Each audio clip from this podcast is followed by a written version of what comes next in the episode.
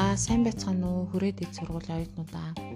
За өнөөдрийн хичээлээр багш нь багш нь Монгол шарын шишин дэлгэрсэн буюу Монголын бурхны шишин өргөн дэлгэрсэн гэдэг сэдвийн хүрээнд ярих чинь. За өмнөх хичээлээр Батмөнх Даян хааныг хүртлэх одоо баг хаадын үе буюу Пёдлын бутарлын үе те. За тэгээ бутарлын үеийн түүхийг бол яриад дууссан. За За тэгээ Даян хаанаас хойш бол Барсуулт За бод болог дайруулсан хүлэг түмэн засагт буян цэрэн зэрэг хаад бол хаан ширээн суусан. За тэгээ 1507-оос 1582 оны хооронд баруун түмнийг буюу одоо түмдийн нутгийг бол Батмөнх Даян хааны ачгүй Барс Барсвалд Жононгийн хүү Ананд бол захирч исэн. За тэгээд Анандыг бол түүхэнд Алтан гэгийн хаан гэж түүхэн тэмдэглэн үлдээсэн байдаг. За учир юу вэ гэвэл Барсвалд Жононгийн хүү Ананд нь одоо төвдийн шарын шишний тэргүүн содном жамцыг бол дэмжиж Монгол нутагт бол хүндэтгэн залж ирүүлээд одоо шарын шишинд дагаар орж одоо төвдийн шарын шишний толгойлогч тэргүүн содном жамцыг далай лам цол өгөн өргөмжилж байсан байдгийн. За тэгээд төвдийн шарын шишний тэргүүн содном жамцад далай лам далай лам бол цол өгсөн. За тэрээр бол 3 дахь одоо шарын шишний тэргүүн байсан учраас 3 дугаар далаалан болсон. За тэгээ өмнөх хоёр одоо шарын шишний тэргүүдтэй нэг 2 дугаар далаалам цолыг бол нөхөн олгосон. Гэвч одоо нөгөө таалал болсон гэсэн үг шүү дээ. Таалал болсон байсан хүмүүс. За тэгээ тухайн үедээ энэ төвдийн шарын шишний тэргүүн содном жамц нь өөрөө одоо алтан гэгэн хаан гэж цол өгөөд одоо анандад алтан гэгэн хаан гэж цол өгөөд хувлаа хааны цолыг бүх цолыг одоо хэрэглэхийг зөвшөөрч исэн байдаг. За тэгээ Алтан гэгэн хааны яг удам нь бол Барсуул Жанангийн 3 дахь хүү одоо Баян хааны 3 дугаар хүү Барсуул Жанангийн хүү Ананд гэдэг нэртэй тий. За тэгээд тухайн үед бол одоо Монголын төрийг хэн барьж исэн бэ гэхээр одоо төр болт одоо Батмөнх Даян хааны хүү төр болдын жиж хүү түмэн засагт бол одоо хаан ширээнд суусан байсан. 1539-өөс 1593 оны хооронд бол төрийг барьжсэн.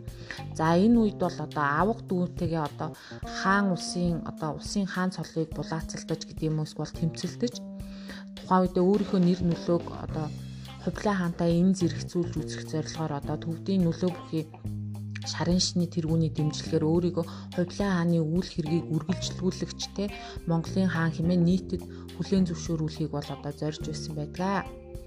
За тэгээд тухайн үеийн одоо Түмэн засагт хаан болон Алтан хаан нарын харилцааг одоо Мин ус бас одоо хэрхэн түүхэнд сударч тэмдэглэн үлдээсэн байдаг вэ гэдэг гэхээр одоо ингэдэг байхгүй Мин ус нь за Монголын хаан хэдийгээр одоо алтан одоо түмэн засагт мөн боловч за алтан бол одоо түмэнгийн харьяат мөн боловч алтан хаа манахаас хан хэрэгэм алтан тамга хүртснээр ир нөхөр нь болж түмэн ихнэр нь болов гэж дааж гинсэн байна.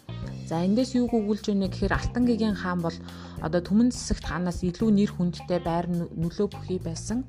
За тэгээд хэдийгээр нэр дээрээ одоо Түмэн Цэцэгт хаан бол одоо их Монголын хаан гэдэг нэртэй боловч цаагаараа бол Алтан гэгийн хаан бол илүү их одоо язгууртан ноёдын дунд нэр нөлөө ихтэй байсан гэж бол харагдаж байна. За тэгээд Түмэн засагт хаан мөн одоо Алтан гэгийн хааныг Мин улстай бие даан харилцаж худалдаа наймаа хийдэг байсныг буруу шааж исэн байдаг. За тэгээд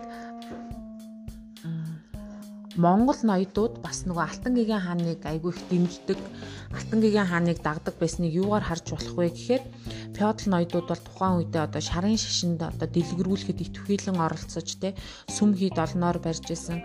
За мөн одоо шарын шишний одоо 3 дугаар тэргүүн буюу одоо энэ далай лам те содном жамцад очиж бараалхсан За тэгээд содном жамцад бараалхаж өөрсдийн харьяа нутагтаа очиж халахын нутгуудад очиж одоо сүм хід олноор барьсан байдаг. За үүнээс харахад бол Алтан гэгийн хааны нөлөө бол одоо Түмэн засагт ханаас илүү байсан байна гэж бол үзэж болохоор байна. За 1577 онд халахын Аптасан хаан нь өөрийн биеэр одоо Алтан гэгийн хааны ордон те хөх хотод очиж одоо далай лам соднон жамцтай учирч бараалхаж байсан. За үүний дараар тэрээр одоо халахад ирээд Аптасан хаан Эрдэнэ 100 хийдийн 3 гол сүмийг бол барьж босгосон байдаг. За мөн тухайн үедээ Далай лам нь өөрийн биеэр автаад хан цол өгч байсан. За тэгээд энээс өмнөх үед бол одоо халахад хан цолыг хэрэглэхгүй байжгаад за тэгээд Далай ламыг өгснөөс хойш Аптасан хаан хожим нь бол хан цолтой хүмүүс бол халахад олон болсон. За тэгээд Далай лам бол бас Монголд одоо шарын шишний нөлөөгөө бууруулахыг бол хүсэхгүй байсан нь юугаар харагддаг вэ гэхээр 1585 онд очир цайн хаан цол бүхий одоо шар үсэг бүхий малгайгаар бол Автасан хааныг шарамжсэн. За мөн ар халахад одоо шарын шишнийг дэлгэрүүлэхэд одоо их хувь нэмэр оруулж байгаа Ванчин богд бөгөөд Ванчин богдод 1616 онд Төмхөн сайн ноён хэмээх цол өгсөн. За мөн шолой шолой цэцэнд бол Махас Махати цэцэн хаан цол гэдгийг олгож байсан. За энэ үйл явдлаас яг юу харж болох вэ гэхээр тухайн үедээ яг төвдөд энэ Гилүкпа болон Нигмапа гэдэг те шарын шишний хоёр урсгал хоорондын тэмцэл мөргөлдөөн бол одоо оргил цэгтээ хүрсэн байсан. Гилүкпа гэдэг нь бол шарын урсгал, Нигмапа гэдэг нь улааны урсгал. За тэгээд тухайн үеийн төвдийн улааны шашныг тэргүүлж байсан гармаа лам бөгөөд одоо энэ шарын шишнийг тэргүүлж байсан энэ содном жамс нарын дундах одоо энэ шашны мөргөлдөөн нь Монгол дахь одоо Монгол ноёдын улс төр эрх мэдлийн төлөөх тэмцэлтэнтэй хутгалтаж одоо Монгол төвд нийлсэн хүмүүсийн шарын ба улааны шашны мөргөлдөөн юм шиг харагдаж байгаа боловч цаагаараа басаад эрх мэдэл байр суурийн төлөөх за мөн бие даах бодлогуудыг илэрхийлсэн юм тэмцэл мөргөлдөөнүүдийг өрнүүлсэн жилүүд болж хувирсан. За тэгэд Төмдийн Алтан гигийн хаан бол өөрийгөө бол одоо тухайн хаад өөрийн тухайн үеийн хаадыг бол зөвшөөрөхгүйгээр өөрийгөө одоо бие даан бодлого баримталж бие даасан байдлаар харуулж байгаа нь өөрөө одоо нөгөө хаан цолыг хэдийгээр түмэн засагт хааныг хаан гэж зөвшөөрөхгүй өөрийгөө хувлаа хаантаа дүүцүүлэн харуулж исэн нь бол одоо бүр илэрхий харагддаг. За тэгээд бурхны шашны тэр төвдийн бурхны шашны дотоодын тэмцэл мөргөлдөөн нь Монголын одоо ноёд язгууртнуудын тэмцэл мөргөлдөөнтэй үндсэндээ одоо холилдож утгалтаж эхэлсэн гэсэн. За тэгээд түмэн засагт хаан бас одоо бас ямар нэгэн зүйл хийхгүйгээр зүгээр байгаад байсангүй. За түмэн засагт хаан бол одоо тухайн үедээ одоо шарын шашны эсрэг одоо улаан малгайтан буюу улааны шашныг удирдах байсан тий улааны шашныг тэргүүлж байсан гармал ам бөгөөд одоо улааны шашныхныг одоо Монголд дэлгэрүү улааны шашны урсгалыг Монголд дэлгэрүүлэх улааны шашныхантай холбоо тогтоох гэж бас оролдож байсан байдаг. За мөн мөн мөн одоо улааны шашны урсгалыг дараа дараа дэмжиж байсан Монголын хаад гэх юм бол Монголын сүүлчийн одоо Чингис хааны угсааны сүүлчийн эзэн хаан буюу Лэгдэн хаан нь улааны шашинд бас дагаар орж улааны шашны тэргүүдийг одоо бас нөгөө өөрийн багшаар залаад шарын шашны эсэргүүцсэн тийм бодлогуудыг баримталж байснаас харж болно. За тэгээд Төмдийн Алтан гигийн хааныг таалал болоход Монголд одоо нөгөө шарын шашны нөлөөгөө одоо багсахыг хүсээгүй байсан 3 дугаар далаалан бол дараа дараагийн одоо содном ондоо нөгөө алтан гэгийн хааныг орлох дараагийн хүнийг бол хайж эхэлсэн. За тэгээд тэрээр бол хайж явах явцдаа одоо энэ алтан хааны хүү сүмбэр хунтайжийг бол одоо ашиглаж сүмбэр хунтайжийг бол бас шарын шний дэмжүүлэх гэж оролдож исэн боловч тэрээр бол одоо таалт төгссөн байт юм аа. За хожимо төвдийн 3 дугаар далайлам содном жамцыг насуурахад таалал төгсгөд түүний хойд дүрийг тодруулахдаа одоо Алтан хааны хүү Сүмбэр хунтайжийн герт буюу Алтан хааны ач хүүг дөрөвдүгээр далай ламд бол тодруулж исэн. За ингээд дөрөвдүгээр далай лам Ёндан жамц бол 1589-с 1616 онд далай ламаар сусан. За тэгээд энэ энэ дөрөвдүгээр далай лам Ёндан жамц нь Төмдийн Алтан гэгийн хааны ачгүй байсан юм а. За энийг бол бид юу гэж хардаг вэ гэхээр Монгол дахь одоо шарын шишний нөлөөгөө алдахыг хүсэхгүй байна. За тэгээ монголчуудын нөгөө шашны ихтгэл үнэмшлийг одоо төвдийн шарын шишний урсгалынхан бас овжноор ашиглаж байсныг бол эндээс харж болно. За. За тэгээд бас одоо Монголд нөгөө шарын шашныг дэлгэрүүлэх үйл явцад бас ингээд нөлөөлсөн дараагийн хүчин зүйл нь одоо Монгол манжид эзлэгдэх үйл явц бол яг энэ түүхэн цаг үетэй холбогдно. За манжууд нь 17 дугаар зууны одоо их үеэс 18 дугаар зууны 2 дугаар хагас хүртэл монголчуудыг гурван үе шатаагаар одоо манжижин гүрэн нь бол өөртөө дагаар оруулсан байдаг. За нэгдүгээрх нь болохоор 1636 онд бол Лигдэн хааныг одоо 1634 онд таалал төгссөний дараа 36 онд Өвөр Монголын 16 аймаг 49 хушууны ноёд бүгдээрээ Манжин хаан Апхаг өөрийн хаан зөвшөөрж их Монголын хаанд өргөмжлөөд за Лигдэн хааны хүү Ижээ ирэх хонгор нь бол Манжин хаанд одоо хүргэн болж орсноор Өвөр Монгол Манжид дагаар орсон. Эхний үйл явц. За хоёр дахь үйл явц нь 1691 онд 1691 онд Манжин хааны хаан одоо инх амгаланд халахын ноёд өндөр гэгээн зан озар за түшээд хаан чахуунд орж зэрэг халахын ноёд бол одоо долон нуурын чуулган дээр очиж 1691 онд одоо халахын ноёнд халахын ноёд нь манжин хаанд дагаар орсноор монголчууд манжид эзлэгдэх хоёр дахь үйл явц нь болсон. За гурав дахь нь бол 1755 онд болсон ойрдыг эзлэн авах тулааны үеэр одоо 1755 онд Даваач хаан бол одоо манжийн сэрэгч ялагдаж за үүний дараа ойрд бол одоо бүхэлдээ манжид эзлэгдснээр монголчууд одоо манжийн дарлалд орсон.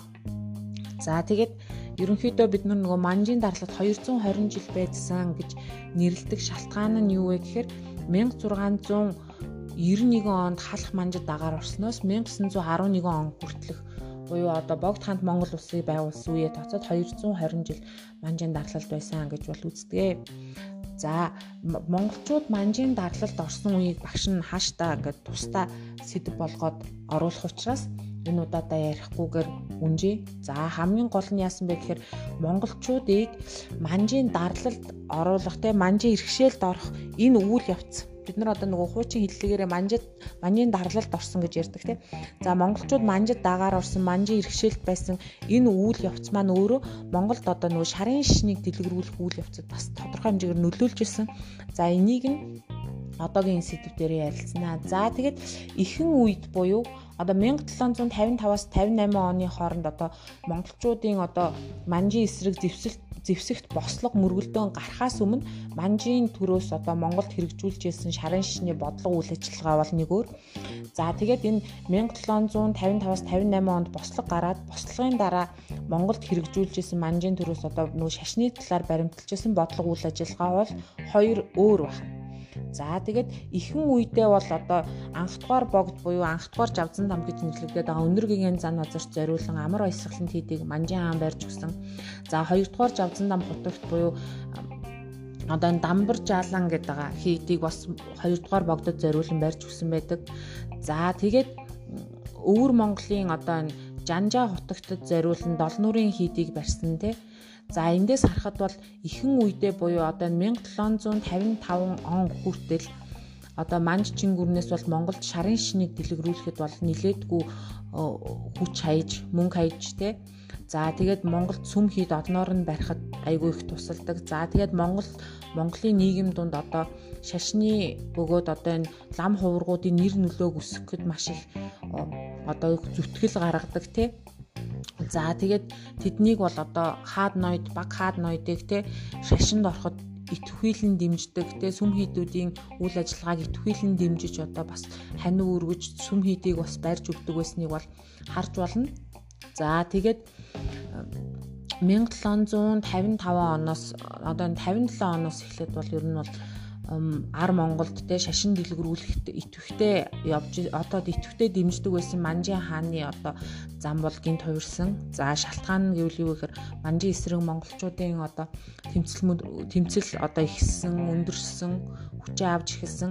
За тэгээд тухайн үедээ бол яасан бэ гэхээр энэ чингүүн жав амар санаа нарын бослогыг те далдуур дэмжсэн, араас нь дэмжсэн үйл явцад бол одоо халахын ноёдуудыг буруутгаж эхэлсэн. За тэгээд энд бол одоо 2 дугаар богдын ах тий ринцэнд орж банг бол одоо далдуур араас нь одоо дэмжиж одоо энэ юу манжи эсрэг бослог хөдөлгөөнийг араас буюу далдуур дэмжиж исэн гэж буруутгаж цаазалсан байдаг. За тэгээд мөн одоо тухайн үеийн халахын дөрвөн хаанд бас одоо удаа дараалан учир битүүлгээр нас урсан. За тэгээ хоёрдугаар богд мөн одоо таалт өссөн. За тэгээд энэ үйл явцаас хойш бол одоо ингээм Монголд одоо шашны үйл ажиллагааг дэмжих шашны үйл ажиллагааг элтэд дэмжиж цөм хийд барихад одоо их ихэн дэмжлэг тусалцаа үзүүлдэг байсан манжин төрийн бодлого өөрчлөгдөжээ. За 1757 оноос эхлээд Жавзан там бутагтын одоо төрийн альва хэргийг одоо энэ шанзуудын яамаар одоо шийдүүлдэг байсан эрдэнэ шанзуудын одоо яамдах тэргүүлэх үүрэгтэй одоо тэр улс төрийн эрхийг бол хязгаарлаж эхэлсэн. За эрдэнэ шанзуудын яам гэдэг нь болохоор зэрэг шашин төрийг ерөнхийдөө ихэнх үедээ бол шашин дүрийн үйл хэрэгт бол одоо тодорхой хэмжээний нөлөө бүх байсан. За хожмоо бол одоо энэ энэ эрдэнэ шанзууд би яам зөвхөн шашны хэрэгийг эрхлэх яам болж хувираад хутагт хуйлгаадад бол одоо бас тодорхой хэмжээгээр энэ шанзуудын яамд бол нэр нөлөө бүхий 13 тамхтай утагт байсан гэдэг. За тамхтай утагт гэдэг нь 800-аас дээш тооны шавь хувирахтай лам нарыг тамхтай утагт гэж нэрлэдэг. За тэгээд энэ яамд бол өмнө нь бол одоо богж авзан дам бутагтууд бол одоо айгу нэр нөлөө өхий байснаа хожмоо одоо энэ 1757 оноос эхлээд энэ тамхтай хутагт хувилгаад бас энэ эрдэнэ шанзууд биеийн яамд альва үйл ажиллагаад шийдвэр гаргаж оролцох эрхтэй болж хувиржээ. За тэгээд манж нар ар халахад жавзан дан бутагтыг өвөр Монголд болохоор жанжаа хутагтыг бол одоо шашны тэргүүнээр өргөмжилсөн ч за өөрийн харьяа хүмүүсээр одоо сүм хийд засаг захиргааны болон шашны үйл хэргийг одоо захируулах эрх эрхийг бол өгчээсэн. За Тэгэд энэ цагаас эхлээд бол Жавзан дам хотогт одоо халахын нутагт бол төрийн ямар ч үйл ажиллагаанд оролцох хэрэггүй зөвхөн шашны хэргийг мэддэг болсон. За тэгээ хоёрдугаар богдыг таалал төгснөөс хойш дараа дараагийн богдыг тодруулахдаа манжийн төрөөс Монгол нутгаас биш те. За эсвэргээрээ Монголоос биш харин эсэргээрээ төвдөөс одоо дараа дараагийн богдын дүрийг тодруулах ам бус одоо зарлиг байдаг. За тэгээд үүний дараа бол одоо дараа дараагийн 3-аас 8 дугаар богд хүртэл хүмүүс бол одоо төвдөөс тодорсон байдаг юм аа. За тэгээд дөрвөөс одоо юу гэдэг нь 3-аас 4 настай за 4-өөс 6 настай одоо хүүхдүүд одоо богдоор тодроод за тэгээд Монголд бол одоо богдоор тодрон ирж шавилж исэн. За тэгээд 8 дугаар богдыг залах хүртэл бол одоо өмнөх богдууд нь бол эд залуугаараа буюу 16-аас 39 насны хооронд бол одоо жанж хальж буюу ертөнцийн мөн хүсийг үзүүлсэн байдаг. За тэгээ хэдийгээр одоо энэ балчир буюу бяцхан богдуудыг одоо ингээд тодруулаад Монгол нутагт одоо ингээд шашны тэргүүнээр өргөмжлөн авчирж байгаа боловч одоо тухайн одоо богд гигэнүүдийн богд хутагтуудын тий хийх үйлбэр одоо хэлэх бүх зүйлийг цаанаас нь судлах ном одоо сургах багш нарыг хүртэл те ингээд манжийн төрөөс бол зөвлөж зааварладаг байсан гэж бол сурвалжуудад бичсэн байдаг. За тэгээд за багш нь эндээс нэг жишээ татчихъя. 3 дугаар багт одоо 3 дугаар богдыг төвдөөс залж авчирхад Манжин хааны зарлиг дагуу хам номон хаан Жамбалд орж тэргүүтээ 800 хүн 1763 онд баруун зүг рүү зорьсон байдаг бахан. За тэгээд тэдгээр хүмүүс бол 400 мар халах дөрвөн аймагаас тус бүр 400 агт. За 300 атан тимээ дайчилж явсан. За тэгээд энэ энэ ингээд богд хувтагт хувилгаадыг залахдаа тухайн одоо маш олон их одоо одоо юу гэдгийг өглөг барьц гэдэг юм уу те хишиг хүртээдэг. За тэгээ энэ шалтгаанууд нь бол ямар шалтгаантай вэ гэхээр анх дугаар богдыг одоо анх 1636 онд одоо богдоор тодорход одоо Түшээд хаан гомд оржийн хүү штэ тий өндөр гигэн зан азрыг богдоор татрахад одоо түүний эцэг нь одоо ширээ цагаан нуур гэдэг газар богд дүргэмжлүүд харьяат албатаасаа 100 108 банд тий За гурван ах нар нь 30 30 үрхийн айлыг бол одоо тасалж өгч исэн. За тэгээ энэ үеэс хойш одоо хамжлаг нараасаа таслан өгдөг те шав нараасаа таслан өгдөг, эд хөрөнгө таслан өгдөг. Тэр нөгөө богд гэгэнд одоо тасалж өгдөг. Тэр ёс бол тогтсон байдаг бахнэ. За тэгээд Гэвч одоо Манжин хаан болохоор богдын гутгтын дараа дараагийн дүрийг Монголоос биш төвдөөс тодруулахыг илүүд үздэг байсан гэж хэлсэн тий. За гэвчиг одоо Монгол ноёдууд дотор тий монголчуудын дунд бас одоо ингээд дөр 6 дугаар боглыг богдыг Монголоос тодруулах гэж бас оролдож өгсөн хувилдажсэн байдаг бахан. За тухайн үедээ энэ Эрдэнэ шанзуудын яамны Наван чамбал их хүрээний хамлам баггүй. За Номон хаан дорж нар бол Манжин хааны тушаал хэрэмгээс одоо зөрчиж одоо дөрөвдүгээр богдыг одоо Монгол нутгаас тодруулах гэж оролдсон учраас гэрийн хорионд орж исэн байдаг. За тэгээд энэ бүхнээс бол харж үзэхэд бол одоо энэ шашны богд хутагт хувилгаадын ард бас тодорхой хэмжээгээр монголчуудыг одоо нөгөө ихтгэл үнэмшил донд тэгээ сүсэг биширлэр номхотгох тодорхой хэмжээнд одоо хүлцэнгүй тайван байлгах гэдэг утгаараа одоо шашны үйл ажиллагаа нь эртнүү үеэсээ эрт үеэсээ л төрийн төрийн үйл явцтай холбоо бүхий байсан. Тийм учраас Монгол дахь одоо шарын шашны дэлгэрэлт бөгөөд шарын шашны хөгжих үйл явц нь бас одоо манжийн төрийн бодлогоор бас одоо ингээд түлхэгдэж буюу мотивацлагдаж өгчсэнийг бол харж болно. За тэгээ хожмоо бол бас одоо ингээд нөгөө Монголд шарын шишнийг 8 дугаар богдыг одоо 1924 онд таалал төгснөөс хойш Монголд одоо нөгөө шашингүй үзлийг дэлгэрүүлэх гэж оролдохдоо Монгол дахь одоо шашин лам хуврагуудыг олноор хаасна ч гэсэн бас төрийн үйл хэрэг, төрийн бодлого үйл ажиллагаатай нэгт холбоотой.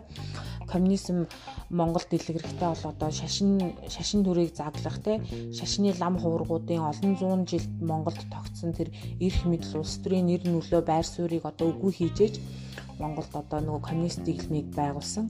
За тэгээд Монголд яг ингээд шарын шишин дэлгэрэх үйл явц нь бол энэ 17 16-аас 17 дугаар зуунд бол оргил үедээ хурж 20 дугаар зууны ихэнх үе хүртэл буюу 20 дугаар зууны эхний 50 мянга одоо 1939 37 39 онуудад хүртэл одоо шашны төлөө ингээд бослого тэмцэл гарч ирсэн. Энэ 20 дугаар зууны хүртэл бол одоо хүчтэй нөлөөтэй хിവэрэ байсан. За тэгээд яг нь ер нь бол шарын шашны будын шашны Монгол дахь дэлгэрэлтийг бол ингээд дөрвөн үе болгоод үздэг. За эхний үе нь бол Монгол нутагт эртний улсууд буюу одоо энэ хүннүү Сиамбигийн үед бол Монгол нутагт тодорхой хэмжээгээр бурхны шашин орж ирж байсан гэж үздэг. За хоёр дахь нь болохоор одоо энэ Хувлаа хааны үед буюу Хувлаа хаан Юан гүрний үед Монгол бурхны шашныг дэлгэрүүлэх гэж оролцсон. Гэвч тэр нь бол одоо зөвхөн язгууртнуудын дунд үлдсэн гэж үздэг. За гурав дахь дэлгэрэлт нь 16-аас 17 дугаар зуунд Хөндийн Алтан гэгийн хаанаас ихсүүлээд За хожмоо бол одоо манжийн төрийн дэмжлэгтэйгээр Монгол шарын шнийг дэлгэрсэн. За тэгээ энэ дэлгэрэлт бол одоо 20 дугаар зууны ихэнх хүртэл хүчтэй байж чадсан. За хожмоо нь 3 дахь удаа 3 дахь нь болсон 4 дахь удаагийн дэлгэрэлт бол 1990 оноос эхлээд Монголд нөгөө шашин шүтэх хэрэгчлөөг ардчилсан явсгалаар нээж өгснөөр Монголд одоо шарын шишин, бурхны шишин дахин дэлгэрсэн гэж үздэг бахны. За ингээ өнөөдрийн хичээлд анхаарал хандуулсан хүмүүстээ баярлалаа. Дараагийн сэдвэрээ монголчууд манжийн хэрэгшээлд орсон үеийн түүхэн үйл явцуудыг үзнэ.